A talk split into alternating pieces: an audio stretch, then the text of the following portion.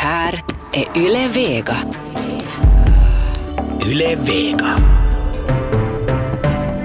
Hej och välkomna till Eftersnack. Gott nytt år till er alla. Det här är första programmet år 2019. Men en sak förändras knappast någonsin och det är Jeanette Björkqvist är med i studion. Välkommen! tack, tack. Ja, du ser så glad ut för ovanlighetens skull. Nu, jag skrattar åt er för att ni höll på med era manicker och prylar här och var så lyckliga. Jag har en bild jag ska sätta ut det här på våra sociala medier. Vi ska återkomma till det och innerst inne tror jag också du är lycklig.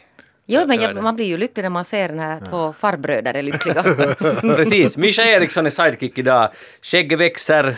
Välkommen! När det är Ja, jag växer men är ansatt. Men är ansatt observera att mustaschen är mycket disciplinerad. Jag tycker Jaha. du Jeanette att man kan Nej, det hålla med jag om väl det kanske inte. Där. Man kan gå in på vår Twitter och titta. Där finns en färsk bild av det. Vad sa du? Disciplinerade mustaschen. Ja, där. Det är inte ordet som först kommer. Men nu ser jag vad du menar, den är lite jämnad. Ja, ja, faktiskt. ja Den är precis. Ja, Man ser är- munnen så att den, säga. Ja, den är inte mer så här preussisk utan, utan det här är nog ett, ett tajtare stuk. Tajtare stycken preussiska. Bra, jag heter Magnus Lundén, programmet alltså Eftersnack. Säsongen börjar idag och den kommer pågå ända till midsommar. Sen kommer nattsnack.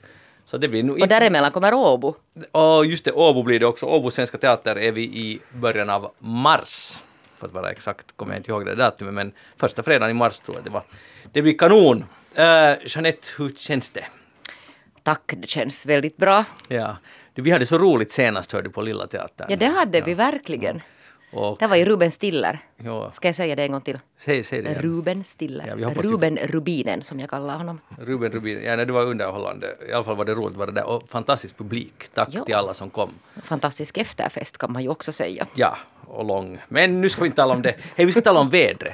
Ja. Det var någon eh, på vår face, Eftersnacks Facebook-sida som var uttryckligen om att vi ska tala om vädret. Och vi Ja. lyssnar gärna på våra lyssnare. Ja, Eh, och han är förundrad över, eh, över det här att det är plus, plus två dagar, så är det minus, minus. med all orsak. Och allt det byter så snabbt att det var, allt var bättre förr, Mischa. Hur är det? Ja, idag så är det ju riktigt bra när det smälter bort. Är det bra ja, idag? Ja, det gör ju en lycklig. Det är, Men vi har ett problem här. Ja. Det smälter lite och imorgon ska det vara minusgrader igen. det är ju naturligtvis oturligt men vi ska nu njuta av det så länge det varar. Att här, är- det, det kom ju alldeles för mycket av den vita varan här om dagen. Jag fick snö i skorna när jag får efter morgontidningen. Och det När du uppskattar for efter, åkte du bil efter? Nej, tidningen? promenerade, gick, vandrade, tog en morgonspatsertur. Men vad hade du för skor? Varför skottar du inte där i Esbo det, det är jag för lat för. Och vad hade du för skor? No, mina tofflor, morgontofflor. Kanske man inte ska gå ut med morgontofflor. Det är man kan gå om inte det finns snö. Alltså det är så där det går när Helsingforsbor flyttar till landet. Alltså ni, ni förstår att anpassa er. Tycker. Ja, så jag borde nog ha dragit på mig polarutrustningen. Ja, verkligen. bara för att få mitt morgonblad. Nu är det ju så att det är utlovat till, jag hoppas det här är goda nyheter för er, det ska bli minusgrader typ 10 dagar i sträck efter morgondagen tror jag det är. Jaha. Så det är ju jättegoda nyheter för nu, nu hålls skridskobanorna i skick, man kan säkert åka skidor. Och Det här, jag tycker att det här nu förväntar, det som väntar oss är rena rama vinterparadiset. Men förstår du alltså Också det där, i Helsingfors och i Men resten av förstår landet. du alltså att det som har hänt idag när det har varit lite plusgrader är att en del av den här vita, vad var det du hade något bra uttryck för det här? Ohyran. Den, den vita ohyran har det där smultit så det blir alltså jätteisigt. Mm. Så nu kommer det vara sådana isbanor, så här knöliga isbanor som är det värsta av allt. Jo, nej, det är dåligt, men därför be- behövs det mycket mer snö nu. Men kommer det att komma någon snö, det kommer bara minusgrader. Jag måste titta på den där prognosen, men i alla fall jag är glad över det här för att det, har varit problematiskt med de här skridsko, de som är naturis, att man inte riktigt kan veta, veta att när är de i skick. och så Jag måste ju raskt flicka in här nu. Uh, jag minns att jag för många herrans år sedan läste ett reportage av dig om långskridskofärder. Jo. Ja, ägnar du dig fortfarande åt det? Nej, faktiskt inte. Uh, jag, jag var nog faktiskt förra i vinter, ja det stämmer. Jag var. Ja. Och det är ju det är ju På- egentligen det på bästa havet, av allt. eller? På havet, ja. Ja. Alltså, det, det är ju helt klart att alla som sysslar med det, så de har ju hittat liksom, grejen i Ja. livet. För Jag gör inte alls det tillräckligt, men, men det är ju otroligt uh, frigörande att Ja. kunna fara ut på havet till exempel. Så länge man har rätt utrustning och, och är någorlunda proffsig och inte åker ensam och så vidare. Precis, ja. Så, så är det ju det är nog en otrolig hobby för att man ser till exempel sommarstugor på vintern. Mm. När allt är intäckt och så skrinner man där och det, och det går ganska snabbt. Och man ser alltid ur ett helt annat perspektiv Ja. än på sommaren. Och dessutom ingen miljöeffekt på något sätt överhuvudtaget. Ja, precis. det kostar ingenting. Där är alla fördelar. Förutom där man måste vara lite försiktig, man måste veta vad man gör. Ja, och så är det väl ganska kontemplativt också. Du Faktiskt. far iväg där, det är ganska tyst på isen. Du behöver inte gå många hundra meter från stranden så det är liksom fullständigt som att nästan vara i en bubbla. Och det är en helt annan sorts tystnad än en vanlig tystnad, Ja, ja. en studiotystnad till Ja. exempel. Så ja, så det där är, ja, det, är ju, det, det borde ingå, man borde alla borde skaffa sådana här skridskor. Ja, precis, det är medborgarplikt. Ja, Mischa, kommer vi att se dig på isen i år? No, alltså vi faktum att jag försökte för några år sedan men, men jag, jag, jag slant mest och satt mig på rumpan. Oj, nej. ja, så jag, så jag, kände mig, jag kände mig ganska, jag kände mig som Bambi på isen. Oj, att, ja, och det, sen, sen tappade jag sugen när det, jag inte var bäst genast. Och så gav han upp. Ja. Jag förstår dig. Jag, jag var faktiskt i, på jullovet i Grankulla, i världens lyckligaste stad. De har ju gallträsk där. ju det och jag tror att det var just där som jag kanade omkring. Var, min, min upplevelse var helt tvärtom. Det var, det var inte så jättebra is, men nu var det trevligt också där. Jo, där syns jag att mm, som, som sagt jag skulle väldigt, väldigt gärna ägna mig åt det här men Men var det alltså det att det var svårt att skrinna? det var helt helt Vi gick ju Mischa i samma skola. Jag har ingen minne att du ska utmärka dig som skridskoåkare. Nej, nej, nej alltså, alltså vanliga skridskor, de kan jag på omkring alldeles bra. Men det är någon speciell teknik med de här långa, långa långfärdsmedlen. Ja, ja, det är det. Ja. Ja, ja. Och det var den som jag aldrig riktigt behärskade. Aha, jag förstår. Ja. Hej, hur gärna jag skulle vilja fortsätta tala om det här så tänker jag ändå gå vidare. Sverige får ingen regering, vad än de försöker och nu är det, nu är det liksom nästan, det börjar vara för sent snart och det, det är nu under helgen kanske det ska avgöras. Socialdemokraterna har lyckats på något vänster få Miljöpartiet, Centern och Liberalerna med, men Moderaterna har också sina egna planer. Tror ni att det kommer att lösas? Alltså det är det jag förstår att de förbereder sig på nyval nu omkring. Säkert parallellt också. Ja. Men eh, okej, så här. Är det här demokratins svaghet ändå? Det här, man har två block och sen är det ändå inte riktigt och sen finns det ett tredje block som nu har kommit in, kila in sig där och så blir hela demokratin paralyserad nästan, känns det som. Men nu har man ju varit ett, hur är det, ett halvt år utan regering. Ja. Är det inte snarare det här just Sveriges uttalade system med blockpolitiken som är den här svårigheten i det här sammanhanget. Att de har ett sån här, en sån här etablerad struktur. Jag menar nu har man ju sett de mest intressanta regeringskombinationer i Finland där egentligen vem som helst är beredd att hålla hand om. Om man liksom kan komma överens om de här grunderna. Det kan man också tolka som en svaghet i demokratin sen åt andra hållet. Men i alla fulla fall att det, det är närmast systemet som, som ger upphov ibland till lite komplicerade situationer. Ja, frågan är nog sen också att om det blir ett nyval, att hur ser det ut sen? Alltså, jag har, inte, har ni sett någon sån här, finns det någon sån här opinionsmätningar på hur det skulle... Och det, är ju, och det är ju en bra fråga också, men du tänker nu att du är en ordinär röstare. Och sen så har det gått ett halvt år sedan valet. Och så gick det, det bidde ingen regering. Och så måste du rösta på nytt. Blir du ett, tu, tre socialdemokrati, demokrat istället för moderat. Därför för att det inte blev någon regering. Ja, den som alltså det där, den som Mm. säkert har gagnats av den här krisen är ju de här Sverigedemokraterna. För att de kan ju stå där med sin så här martyrkofta och säga att vi Precis. fick si och så mycket och vi får inte vara med. Ja, alltså de måste ju vinna på det här. Ja. Och sen tror jag att de, andra, de här små partierna kommer att förlora. För att många tycker att det är, nu, är det nu Centern eller liber, Liberalernas fel att det inte blir till någonting för de sitter, motsätter sig allt möjligt här eh, för att de inte får igenom sina krav. Så att de kommer nog helt säkert att förlora. Så de vill säkert undvika det till, va- till varje pris. Ja, eller att en röst på ett litet parti är bortkastad för då får man inte en tydlig majoritet där som kan ta hand om det. Ja. Men det, det är konstigt, för, hur, hur, för förut har jag alltid tyckt att det svenska systemet är det bästa. Att Eller det är det klaraste, alltså det tydligaste för Ja. väljare. Att inom blocket kan man liksom rösta på sina prioriteringar. Man kan rösta på Moderaterna eller på Miljöpartiet eller vad man nu vill rösta på, men man vä- väljer liksom så att säga. Ja, det är en sån här värde, liksom Ja. sån här värdeklar. Men nu på grund av och tack vare Sverigedemokraterna så funkar det inte mer. Då blir det så här dödläge. Så man borde- borde hitta på något nytt då. Men, men det där upplys en lätt okunnig. När, hur länge sedan sist är det som den här situationen har uppstått? I Sverige, det, Ja. jag har ingen aning, men det måste nog vara jättelänge Ja, sedan. äh, Men Socialdemokraterna har ju också varit så stort parti. Alltså Mm. de har ju haft eh, upp till över 40 procent någon gång, vilket är helt otroligt mycket. Ja. Eh, Men det är ju helt nya tider. ja, ja, ja så, Så är det ju. Ja. Eftersnack följer med och om de behöver råd så kan de kontakta Jeanette Björkqvist som håller jour här på Yle säkert och väntar på samtalet från Jo men jag det där, mitt förslag, Löfven. men jag kan redan nu ge det där förslaget om inte nu lyckas, de borde ha tagit in den här Leif GW Persson dit så som många föreslog. har, du har, du har, Och du har också föreslagit det här Ja. eftersnack och ingenting har skett. Nej. Det är konstigt. Ja för Leif GW, han skulle ju alltså ha löst allting. Men det är ju inte alls så överraskande för att uh, det här de inte har lyssnat på eftersnack, för svenskarna är lite arroganta med Svenskfinland. De, de, de liksom lyssnar inte hitåt Nej. och känner inte till. Här är ytterligare ett bevis Att borde på det. vi faxa dit någonting? De använder fax i Sverige ännu? När har du senast faxat? No, det, där, det är nog allt för länge sedan. Jag skulle gärna faxa lite oftare. Det var lite tufft när den kom, speciellt då, det, alltså, sen kom de ju ganska snabbt ut de där papperna. Ja. Men kommer du ihåg den? Den kom så här, liksom en Oj, Vi hade Ja, det där någon gång för inte så hemskt många år sedan, alltså såna här praktikanter på, på min dåvarande redaktion på Husis som inte förstod alltså när man försökte förklara att vad är den här faxen för någonting.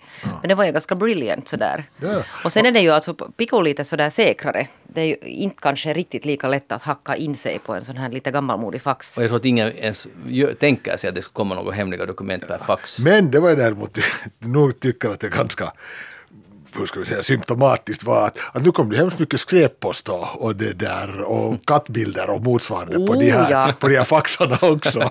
att inte, inte hade det varit i en office hemskt många dagar så så började det komma allehanda Ja, och det var bara med- början, ja, tänk på det. Ja. Det är sant, det har jag inte tänkt på. Spam! Faxspam. Månne Fax. Månne gänget där i Nigeria sysslar med det nu. Liksom. Skickar mycket faxspam, men jag tror inte.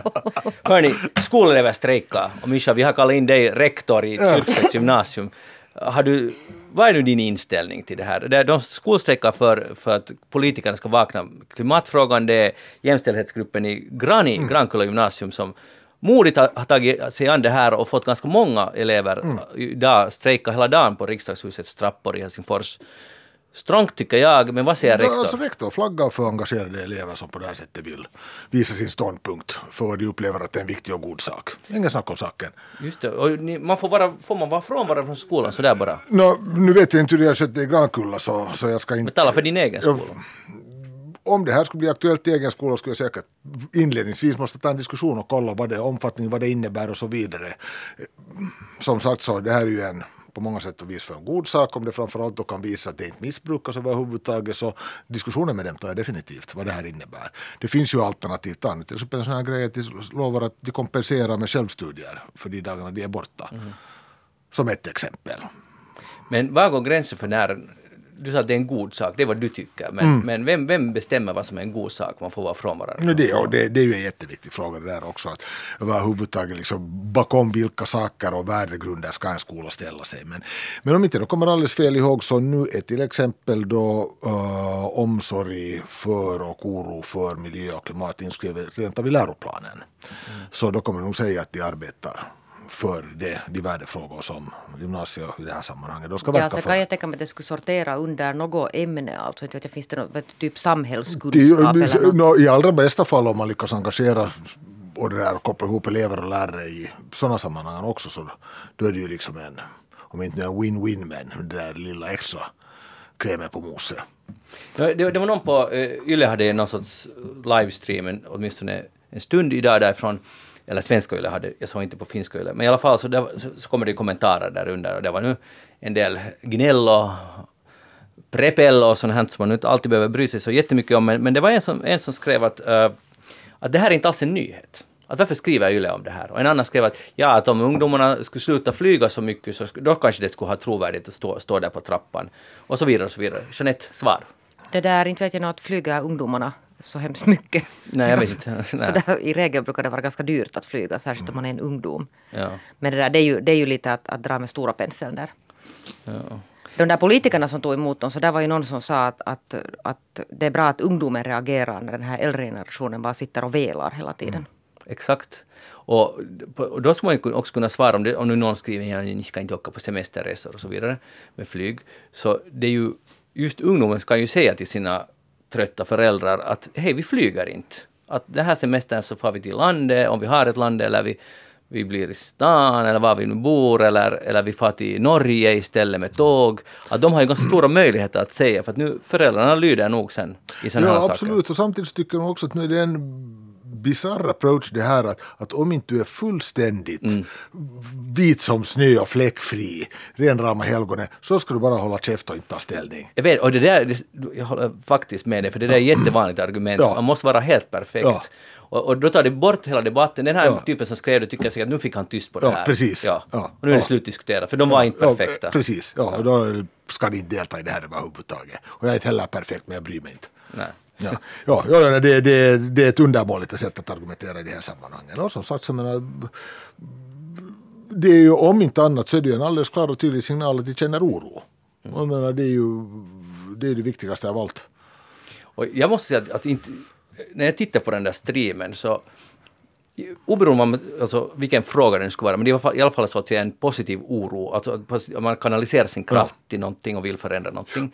Det må sen, vad det nu sen, nu handlar om klimatfrågor, det ska kunna vara något annat. Men när, när man ser eh, 16-17-åringar stå på riksdagshusets trappa mm. och ropa på finska och svenska slagord som ändå, som sagt, de vill förändra någonting. Så nu blir jag, jag blir helt såhär wow! Ja, att ja. äntligen! Eller, eller ska vi säga att vi ska i alla fall inte jomma om när det annars alltid brukar säga att det enda ungdomar gör är att stirra på sina skärmar. Ja, men men du, nu, nu måste jag här, okay. för säkerhets skull nu lite opponera mig. Jag menar med erfarenhetens djupa basis. Jag har jobbat med 16, 17, 18-åringar i 30 år. Men det, är, det, är det, det är det bästa vi har. Alltså det är, där ungdomarna de är helt, helt otroliga i sin ärlighet och sin öppenhet och sitt engagemang och sin vilja att, att fungera positivt. Det bara är så här. Men det här förvånar mig inte överhuvudtaget att de tog tag i det här också och spann vidare på det. Bra, vi är alla ja. nöjda. Ja. Jeanette, skulle du ha gått som farit som revflicka 17-åring till riksdagshusets trappa? Eller hade du andra metoder? Helt säkert skulle jag ha varit där. Skulle du? Ja. Och, stå, och skrika, vad var det de skrek? Inte vet jag. Men ja. de hade en isbjörn, någon var utklädd till en isbjörn. Det togs många selfies såg jag på sociala medier. Så stod det att make the earth green again, tyckte ja. det stod. Ja. Nåja, bra jobbat i alla fall. Hej, vi äter för mycket korv och bacon och vi går tillbaka till medelåldern här. Man, Mischa. Mischa. Det där, för nu, nu har det då släppts en rapport som heter Finn Ravinto 2017. Där det står att det fortsättningsvis så kan inte finländarna äta hälsosamt utan de äter för mycket korv, för lite bacon. potatis? Ja, ja, säkert det är också för lite frukt och grönsaker. Och nu undrar jag Mischa, känner du dig träffad? Nej, så, till, så tillvida nog att när jag häromdagen lagade jordstek så lindade jag in den i bacon. så för dubbel effekt? ja. ja just. Men jordstek, det var ju bra kött säkert? Ja, det var det. Det var jätte, jättegott. Ja. ja. Och sen så att den inte skulle bli alltför torr så, så en, en, en baconslöja på den. Just det. Stekte du den? Eller hur? Vänta, ja, så alltså jag lindade in den i bacon och satt fast den bacon med tandpetare så stekte jag först upp en yta på den och så den i ugnen. Alltså det där, hur mycket bacon går det till någon hjortstek? Ett paket. Aha. Är det inte ganska mycket det? Ja. det är en normal mischados. I Kyrkset gör man så. Ja, det var, ja, och Esbo. Det var hemskt gott. Då, det var hemskt gott då, mina barn. Varifrån kom det här hjortköttet då? Det var en av mina gamla kollegor som hade nedlagt denna hjort i, på Kimitoön faktiskt. Ja. En lokal hjort med andra ord. Hur som helst, så här är det. Uh, blir ni oroade för mycket salt och sen sägs det ju att det beror på hurdant salt man äter, vilket säkert är sant också. Jeanette, du, du är ju en vän av bacon, eller vänta, hur var det nu igen? hur, hur var det? Ja, inte riktigt, nej. Inte? Aha, men tycker du att hoho, kan inte de där, speciellt de männen och också kvinnorna, lära sig? Eller vad, vad, när du läser jag, vad tycker du? Men, alltså jag tänker så här att nå en var på sitt sätt. Vem är jag nu liksom att börja moralisera? Om Mischa vill äta en massa, vräka i sig en massa döda grisar så må han ju göra det. Men du brukar ju nog moralisera. Nej, inte på det sättet vet du. Jag har blivit nu på äldre dagar lite så här nu, tolerant. Nu, nu men det där, du vet ju, men du vet ju Mischa varifrån den här baconen kommer antagligen. Det är ju kanske inte alltid de här. Från butiken. Ja. Mm. och där bara poff. Ja. Det sa ja. poff och så uppenbarade sig ett baconpaket. Ja, ja alltså, när, när nu gäller det här hjorten så är jag jättegott samvete. Det var, det var en lycklig hjort hela vägen Men fram. baconen. Men, men det där med baconen så där, det är gråtzon nog. Mm. Det ah, ja. jag. Kan du vakna om natten och ha drömt någon bacon-mardröm? Någon om grisen så knackar mig på axeln. Ja. ja. Och säger ja. ja, precis. Hur känns det sen? Mera, mera, mera skinkan borta. Men, men alltså det där strängt taget så det där om Mischa sen får en hjärtattack så är det ju inte liksom mitt problem. Sådär. Ja, så. På, det, på då måste vi ha någon annan sidekick här. Ja, det har du ju sig. Att det kan på ett sätt vara lite... Men jag menar på det sättet är det ju liksom en ganska sån ändå, det är ju en personlig på något sätt en personlig sak att vad man äter och hur det sen påverkar alltså saker. Fast vi talar just om miljön och, och det sägs i alla fall att kött är ju en stor bov där. No, det sägs ju och det finns väl till och med ja, men det, är, ja men det är väl det, det producerade köttet. Men ja, alltså, aj, var det en vildgris då, där baconen? Ja, det där baconet, det, det behöver vi inte ta upp i det här sammanhanget. Nej, vi ska förneka det alls Okay, okay. Hjort, det var en tur för det, för annars skulle det vara lite i strile här. Ja. Men när hjorten, nu har det ditt alibi. Ja, men, Nej, men alltså, faktum ingen är, att, är perfekt som vi sa. Nej, ingen är perfekt. Ja, ja, jag måste ock- också erkänna att alltså, julskinka alldeles för mycket. Men det är nog ganska gott Ja. under jullovet. Och jag har lite det som kollar på i min närbutik, för där finns två frysta ekologiska julskinkor kvar och de har sänkt priset med 30 procent. Men jag hoppas på att ingen köper det, att det ska, de ska ännu sänka det mer och sen tänker jag köpa det, en billig uh, julskinka, sen tänker- tänker jag tillreda den. Men det är seg kamp för det är säkert någon annan som också kyttar på, kollar på de där skinkorna. Är det du Jeanette? Som, som också bevakar Hoho. när priset ska sänkas? Va? Nej. Inte? När har du ätit julskinka senast? Alltså det där, det måste ju vara då tiotals år sedan.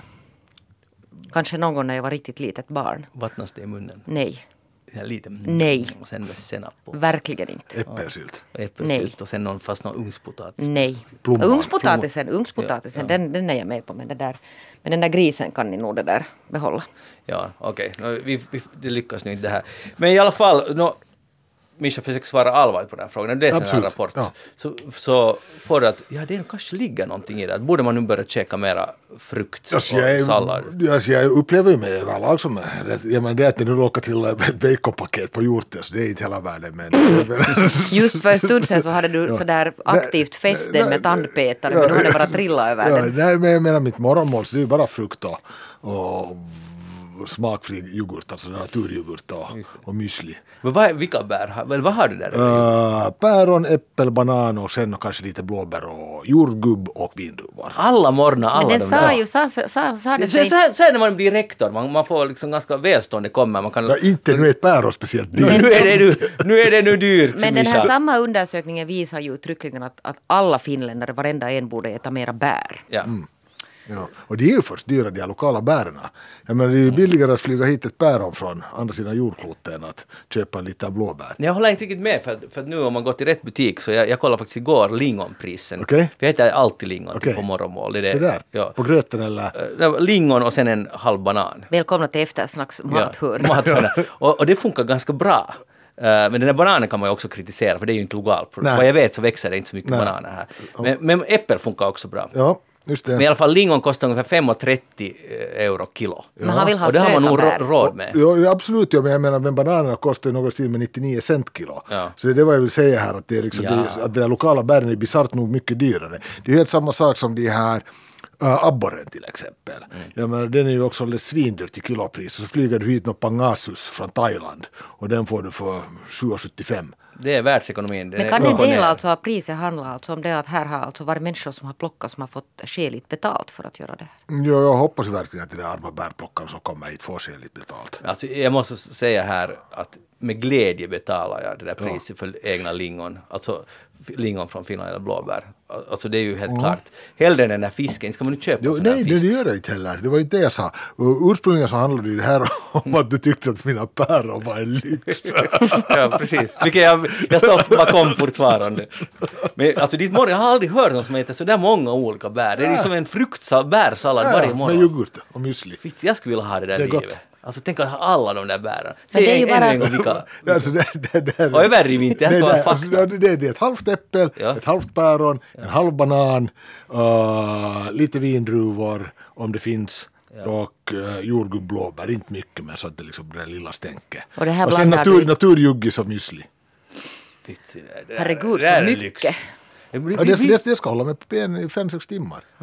Rektorn, det är ett tungt jobb vet du, Ja. Jeanette. Det är inte så här som du att du drischar, man, han måste ju äta någonting på morgonen. Jag Jag känner, äter jag, kaffe. jag känner att någon driver med mig här. Jag äter kaffe. Och sen är det lång tid tills baconlunchen kommer så man måste liksom taggad hela vägen fram. Men, Känner någon annan att vi borde gå vidare? Jo, vi går, men vi först måste jag fråga dig, vad äter du till frukost? Kaffe. Många, många, många liter. Du ä- alltså sätter du ingen fast föda i Nej, din... jag är inte, vet du, det finns alltså olika slags människor och jag är inte en sån här frukostmänniska. Nej, just det. Jag äter min frukost. Senaste frukost du åt, var det, det var julskinka det för 30 år Nej, sedan. det var den här dagens lunch som vi åt, Magnus. Här. det, är din, det är ditt morgonmål. Jo, och lunch. Just det. Och i bästa fall middag på samma gång. Skulle du rekommendera den här livsstilen åt någon Nej. annan? nej. Okej, om bacon nu är min, min synd så, så då känner jag nog att jag...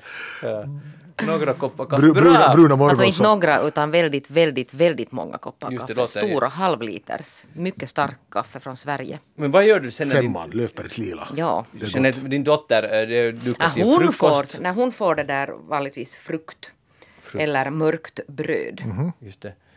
För, det är nu, nu har, nu har alltså förresten WHO kommer nu att gå ut med att åt alla, hela världens befolkning, ät mera fibrer. Men nu har de kommit fram, det här är inte bara nu en nordeuropeiskt fenomen, nu har man kommit fram till att det gäller på riktigt. Jo, och där kan Finland nu passa på snabbt som, Exakt. som tusan och börja exportera. alltså Rågbröd. Precis, för att då när jag bodde till exempel i England så fick man ju, det var ju jättesvårt att hitta mörkt bröd. Det var ju tyskarna Mm. som, som var de som hade lyckats exportera någon sån här si, siraps, vet ni, limpskivor. Jo, det tar ju bort hela det- effekten, det Jo, och det var det enda alltså man hittade, Ja. sån här i mörkväg. Och samma sak i Sverige finns det inte, var finskt bröd sen som man hittade om man hittade någonting.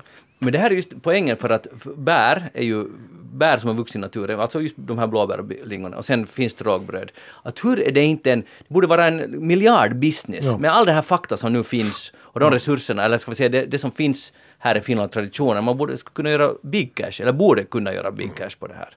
Det får vi se hur det går. Jeanette Björkqvist, vad har du tänkt på den här veckan? Jag har tänkt på politik. Jaha. För egentligen så ville jag tänka på politik redan på vår den här innan nyårssändningen men då fick jag inte för du sa att du skulle prata om det här kommande valet. Jag lurades. Och du lurades, du sa inte ett ord om politik men nu, nu får jag prata om politik för att igår hade kommit Yles opinionsmätning. Månne det här nu sen är den första, alltså riktigt sådär stora tror det. opinionsmätningen inför vårens riksdagsval som är mer spännande än någonsin igen. Eller hur? Jo, absolut, det blir nog...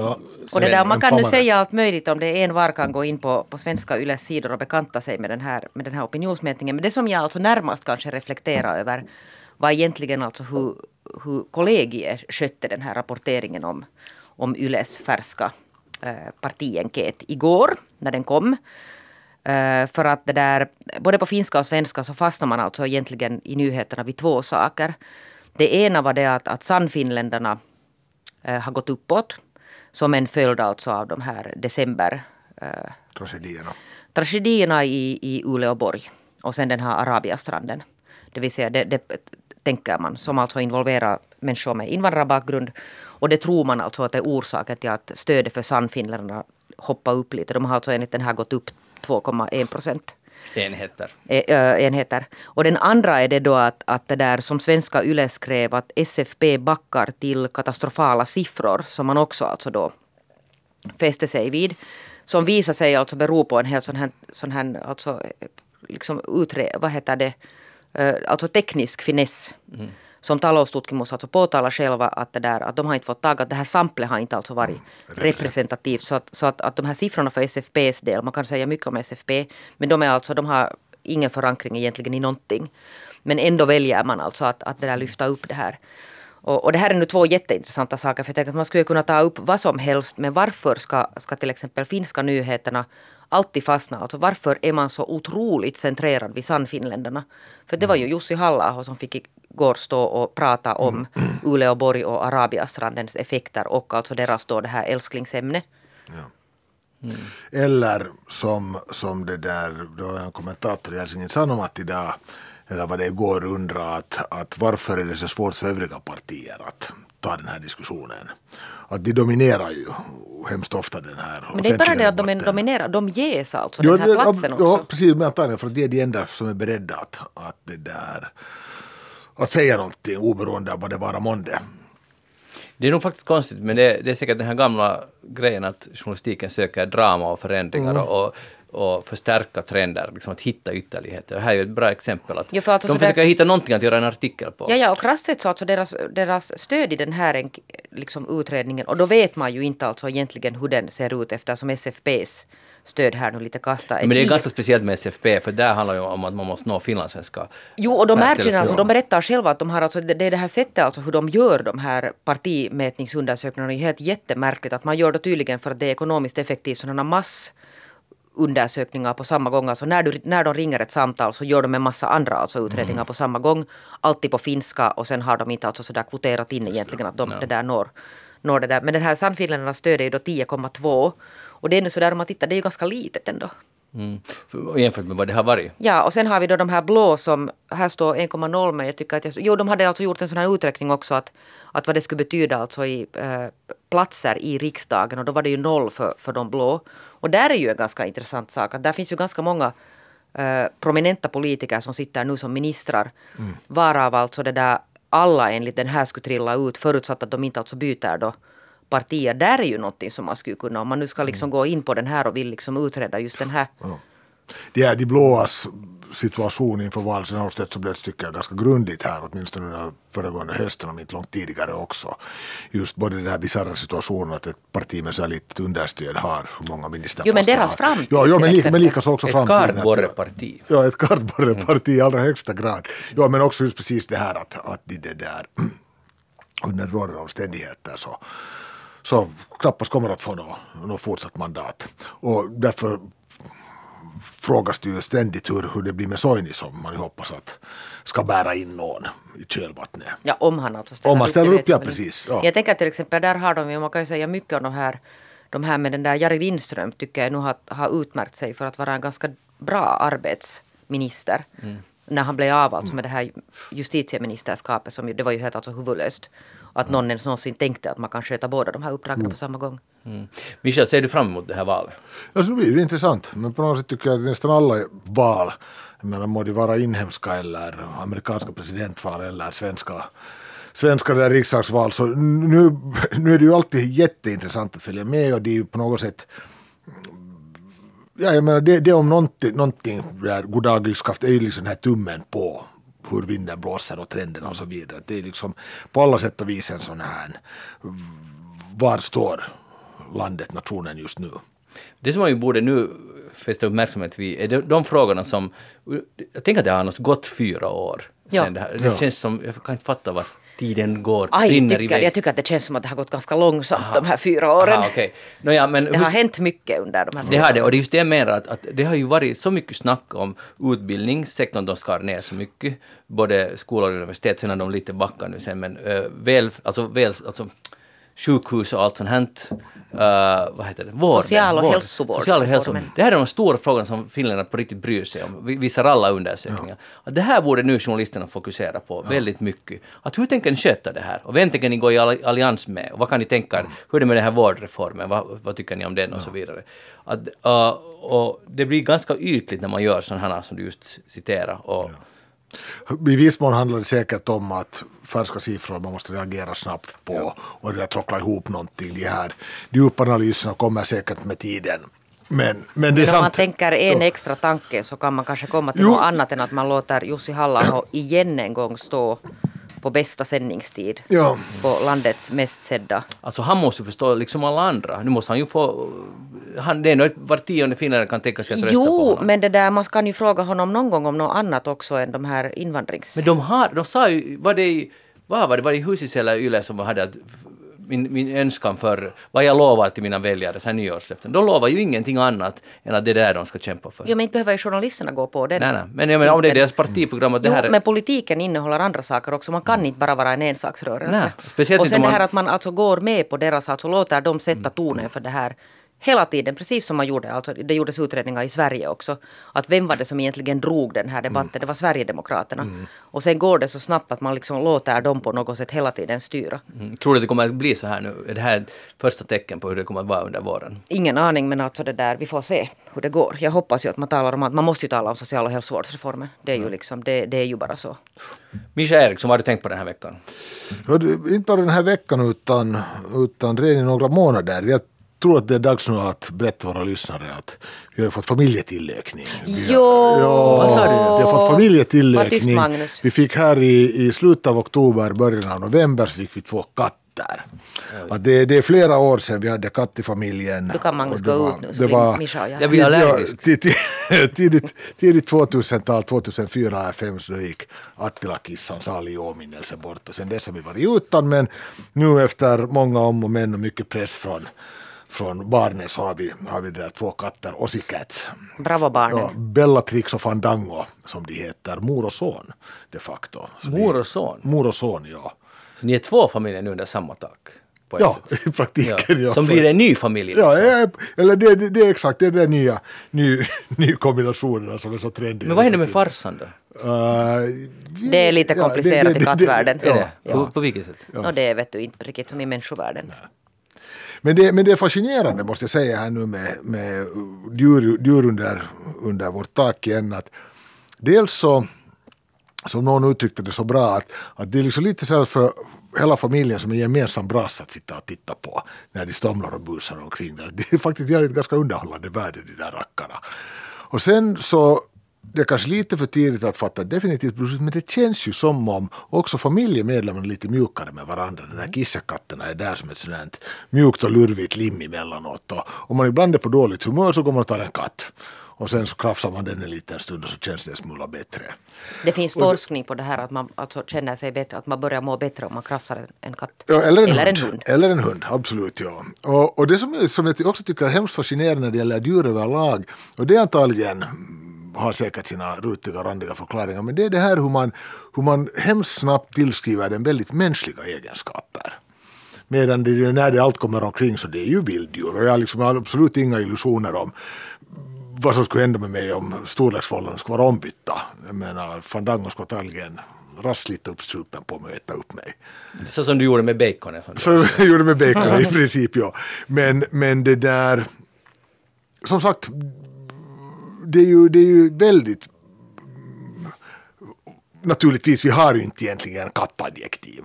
Men det är ändå väldigt så här, mänskliga egenskaper. Man tänker att mm, Fandango är just precis som han och han och då jämför man med en människa eller när han gör någonting så försöker man raka vägen liksom dra paralleller till sitt Men är du eget. riktigt avancerad så- ska du alltså gå in i den här kattpsykologin så att du kan tänka som en katt. Det är då man får alltså Men det, komma men, det, men, men, men, men det finns ju de som menar att det är bara båg, att det är helt omöjligt. Att, att det är det liksom som är den här stora grejen att du, du kan inte tänka dig att vara en tiger för du är inte en tiger. Helt Nej, men samma sätt att som det jag inte kan finns- tänka mig att vara Magnus. Men det finns alltså Mm. helt, det finns helt bra forskning alltså på katter, alltså sådär ur alltså det här just vilddjursperspektivet som, som om man liksom det Inte är katt ett vilddjur. Nej, det är ett domesticerat djur Ja. för Ja. tiden. Ja, och det har det varit ganska länge. Jo, men det finns alltså vissa sådana här där Ja, okej. egenheter. ändå. Okej, men, men berätta lite om, Jeanette, hur tänker katter? När du, ja, no, det beror lite, alltså katter är ju individer, Ja, okej. no, så men det beror lite på. no, de katter du har känt? No, det, där, vet du, det, här, det här måste vi ha ett eget program om. Kattsnack. Kattsnack. Nattsnack. Varje Nej, men fredag. det jag kan säga så mycket, alltså till exempel att det där om man ska, ska det där omkullkasta vissa sådana här teorier, så det finns ju de som fast vidhåller att katter bara bryr sig om sitt revir, alltså det vill säga att det där att det är inte människan de fäster sig vid utan det är platsen. Och det där, och det kan jag ju genast alltså kullkasta, det gäller till exempel inte våra katter. Utan de är alltså helt uppenbart fästa vid att, att om man för dem någon annanstans, så som vi har gjort till Karelen till exempel, så spelar det egentligen, de undersöker den här platsen, men de är alltså där vi är, så där är de hemma. Så det, det är alltså motsäger den här teorin om att de skulle vara revirbundna. Och det är säkert alltså en följd av det här att man har, att man har tämjt dem och haft dem. Och, och man kan diskutera med dem, Magnus. Sån här Jag, jag, kattvisknings... bety- jag tvivlar inte alls, alltså på riktigt. Jag, jag, jag, jag lyssnar på era kloka ord här, kattord. För det, må, det kan ju inte, det måste ju stämma, om det både finns forskning och otaliga liksom, vanliga erfarenheter av, av det som du nämnde, Michel, att människor blir mjukare och, och det är någonting att titta på. Jag, jag tror, jag, jag har inga problem alls att tro på det här. Jag Men att det är ju alltså till exempel, det är ganska många sådana här äldreboenden som har tagit in katter förutsatt alltså att det går, det vill säga att inte någon är allergisk eller något sånt. Och det brukar ju leda till att till exempel minnessjuka, alltså det händer alltså märkvärdiga saker med de här gamlingarna som får alltså kontakt med en, med en katt. Ja. Och det var jag tycker att det är en alldeles underbar liten detalj bibliotekshundar.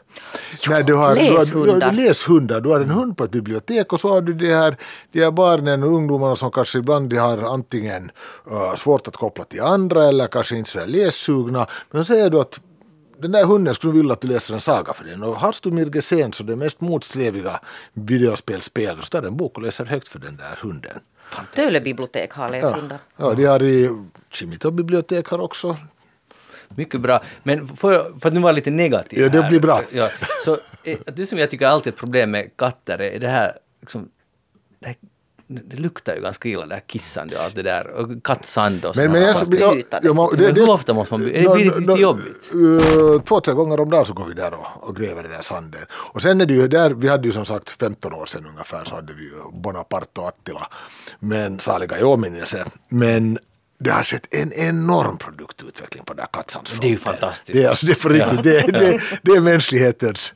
ja, Du har säkert någon sån här motoriserade hör du, sandlådor. Det Nej det har vi nog inte. Nej, men det Visste du att det finns? Nej Ja. det visste jag inte men Jag du ser. intresserar ju Det mig. ja. Dags att köpa. Ja, ja. Men alltså, ja, tre gånger om dagen måste Bara tre gånger om dagen. Alltså, det är inte bästa start på dagen att tömma deras Men det där, nu är det väl Mischa sen så att ni har ju tillräckligt många lådor också eftersom ni har två katter. Det måste finnas tillräckligt många. Nej, de delar nog på den. Ja, det borde vara tre minst. Jaha, Du har mycket att lära dig av Jeanette ja, här. jag märker det ja. Men får jag fråga, ännu klassikerfrågan. Är katter gjorda att vara inne i en stadslägenhet? Ni talar just lyriskt om att det är ett vilddjur. Mm. Det här är alltså den här, den här som det, det är alltså det, det, jag vet inte vad man ska jämföra, säkert som att diskutera bacon, att endera är man för eller så är man emot. Mm. Ja. Det där, jag har ju lite svårigheter själv med det här fast jag alltså har då två katter inne. Går man ut med katten på liksom, Man kan promenad? gå ut, alltså man kan vänja dem vid att gå ut med, i koppel men jag vet inte riktigt heller att det är det. ja. Bellatrix är mycket förtjust att gå ut i koppel. Men vi ska eventuellt fixa en inhägnad kring vår bakgård så att hon kan löpa omkring där. Och sen på sommaren på stugan förstås. Så där vet vi om att de är våra gamla katter trivs alldeles utomordentligt bra. Men så är vi också lite rädda för att en av orsakerna till Attila Kissars för tidiga bortgång var ett orbett. Så man vill ju inte den där balansen. Ja, det, vildnaturen är farlig. No, så är det ja. ja. Hej, eh, jag vet att ni skulle vilja fortsätta om det här, men jag tänker nu, om inte ni ännu vill tillägga någonting om Er rekommendation är att skaffa katt, eller skaffa husdjur. Skaffa hus, det är nog hemskt trevligt. Ja. Och det där, dessutom finns det alltså bevis för att barn får mindre allergier om man, de växer upp med ett djur. Jo. Jepp. Hej, jag har läst, eh, på tal om fakta här, eller jag vet inte om vi talar om fakta, sällan talar vi så mycket om fakta Det här är fakta. Men, men nu har jag läst, eller halva, det är inte dit jag kommer, men i alla fall eh, boken som alla, det verkar som alla har läst utom Jeanette Björkqvist, men, men Roslings bok, Hans Rosling, Anna Rosling, Rönnlund och Ola Roslings bok Factfulness. Jag har använt julen till att läsa, nu jag kommit ungefär lite över hälften. Det är ju, Den är inte underbar. den är faktiskt ganska underbar måste jag säga. Det är en rolig bok att läsa. Man blir lite på gott humör, man blir lite lugnare. Sen är jag kritisk faktiskt till några saker som påstås här. Framförallt, han, alltså den som inte har, om det finns någon som inte har läst den, så det vad han säger är, förutom Jeanette som inte den, så det vad han säger att, att läget i världen är kanske inte bra, det är dåligt, men det har blivit bättre. Ja, absolut. Det, om man sammanfattar det. Och det tycker jag är en, ganska trösterikt. Ja. Och, och han bevisar det genom fakta och genom statistik och han älskar tydligen, ja, de tre som har gjort det älskar statistik och, och, och det som är en ganska bra storytelling i den här boken. Så, men det som jag, eh, ja Mischa du har tydligen läst Ja. den. Ja. Men vad tycker du om den? Ja, jag tyckte den var alldeles vanvettigt intressant och, och väldigt bra populärvetenskap. Väldigt, alltså det är ju faktiskt en, en bok som jag tycker att man kan stoppa i händerna på allt från uh, fiffiga högstadieelever till pensionärer och de får någonting ut av den. Ja. Sen talar han han delar ju in världen i fyra olika nivåer utifrån hur fattig eller hur rik man är. Och det, det är min enda, eller ska vi säga en kritik, kritik jag ska säga när han talar om det här, det som han kallar för extrem fattigdom. Att om man tjänar en dollar i, om dagen, då hör man till nivå ett. Alltså, han tar nu till exempel Lesotho, många i Lesotho lever säkert det, eh, ett sånt liv, men säkert inte alls alla, vilket han ju också påpekar. Sen i nivå, nivå två, så då tjänar man 4 dollar om dagen och nivå tre så tjänar man eh, uh, 16 dollar om dagen max. Nej, i alla fall, och han visar hela tiden hur det flyttas från nivå 1 till nivå 2 och till nivå 3. Och det, men jag tycker på ett sätt att det låter, förlåt det var lite synd, men det låter bättre än vad det är, för han säger hela tiden att, man har flyttat från till nivå 2. Men man är ju i vår, sett ur vårt perspektiv, man är ju väldigt fattig om man är i nivå 2 fortfarande. Att man kan lätt vaggas också in i en sån här falsk känsla av att okej, allt, allt är helt okej. men- Han men- säger ju inte att man ska Nej, göra men, det. Men jag, tror, men jag tror att det viktiga i det här sammanhanget, nu, nu ska jag du har det här i färskare minne. Men det är ju det här att nivå två, så även om du som du säger är det väldigt fattigt i jämförelse då med den finska levnadsstandarden, vilken sen i sin tur emellanåt är ganska tillspetsat hög också, globalt sett. Men dels så betyder det här då att många av de situationer som du befinner dig på nivå ett så har du undvikit, som ju faktiskt är sånt här som att barnadödligheten kan ju vara alldeles horribel och så vidare och så vidare. Och sen för det andra så när du är på nivå två så har du möjligheter och förutsättningar att göra sånt som inte du kan göra på nivå ett för att det är så förbannat dåligt. Att det är liksom det, det är den här, du liksom har byggt en, en, en vad ska jag kalla det, en ansatsplattform för att sen faktiskt börja då utvidga, utveckla samhället i en positiv riktning. Absolut. Ja. Jo, jo, jag menar bara att, att man kan lätt att om man är lagd så ska man tycka nå, äh, världen, allt, allt är jättebra, men det är inte alls det han påstår. Nej, nej. Han, det han påstår, och det är det som man måste komma ihåg, att världen är kanske dålig, men den är mycket bättre än vad den har varit. Ja. Och, och det här är, tycker jag, ett fantastiskt... Det är första gången på ganska länge som jag får så här tro på mänskligheten. Jag tänker en bok, man, ja, kanske Ja. vi ändå är på väg på något sätt, i, i, om man tar den stora helheten, på väg åt rätt håll. Och så talar han om, om folkökning, alltså det blir allt färre, fler människor på jorden. Och han säger det är inte alls sagt att det kommer liksom explodera och allt kommer att gå åt pipan. Och, för att nu redan ser man att, att det minsk, kommer på sikt minska därför att ju fler som kommer upp från nivå ett så vill man inte skaffa sju barn för man måste på nivå ett för att ha någon chans att någon ska överleva. Men ju högre upp så att säga man kommer och börjar kunna styra sitt eget liv, desto större chans att man inte har familjer med tio barn. eller så här. Precis, ja, alltså, du, det är det pensionsförsäkringar som inte på samma sätt behöver.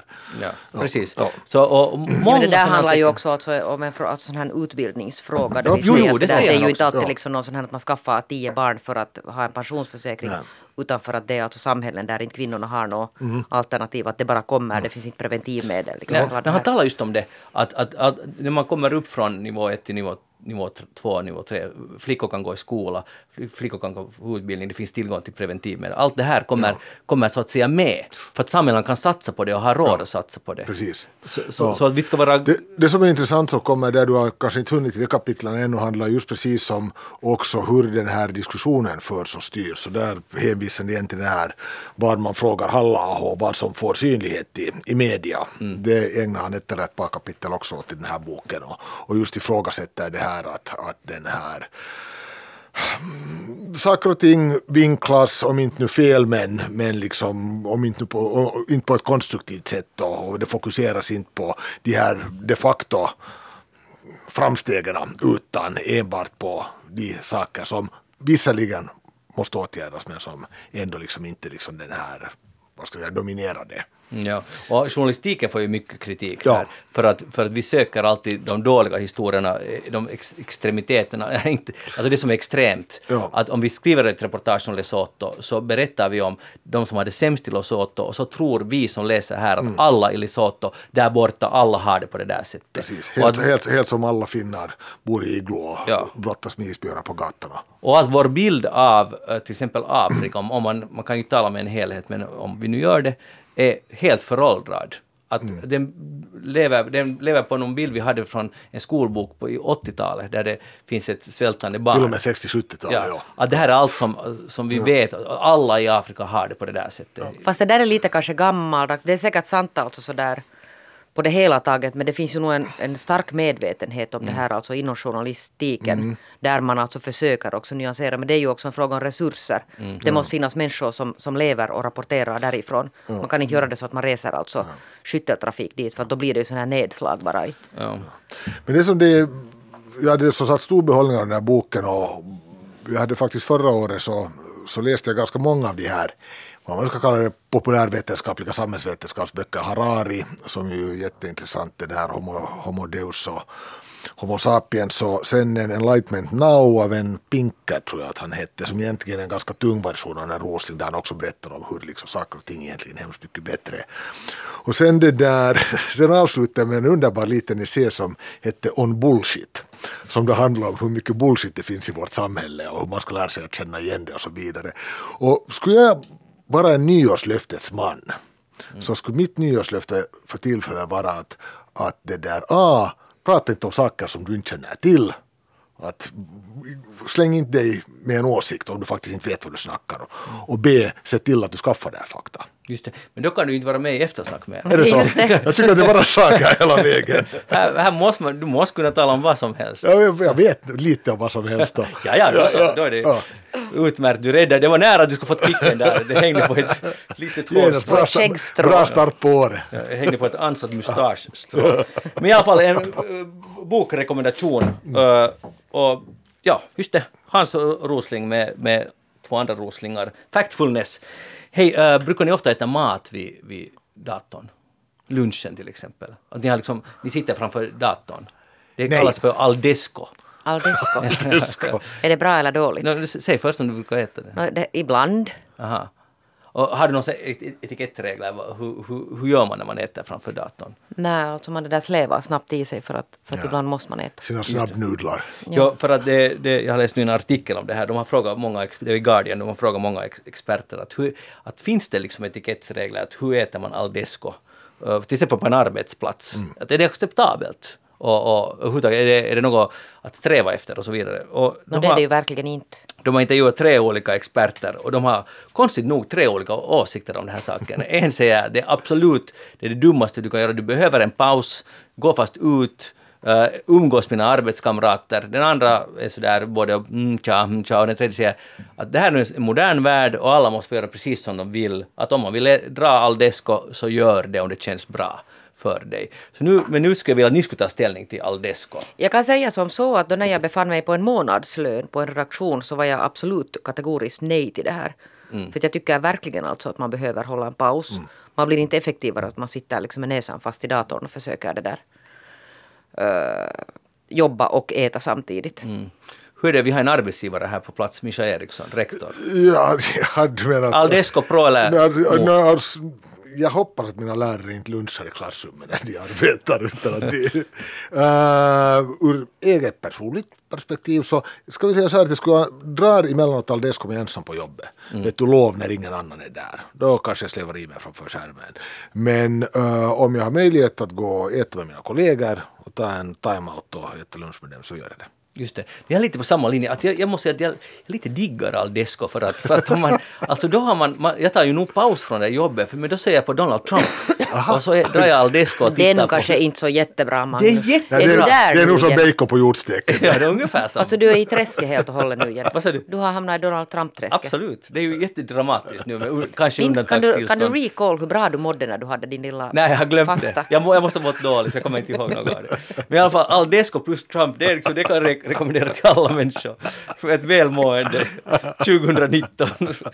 Mm, nåja, det där kanske ändå inte. Men eh, så här är det. Eh, och det där, sen, sen kommer de in på det här att vad, vad som kan irritera hos människor på alltså, matbeteende hos ens kollegor på en arbetsplats.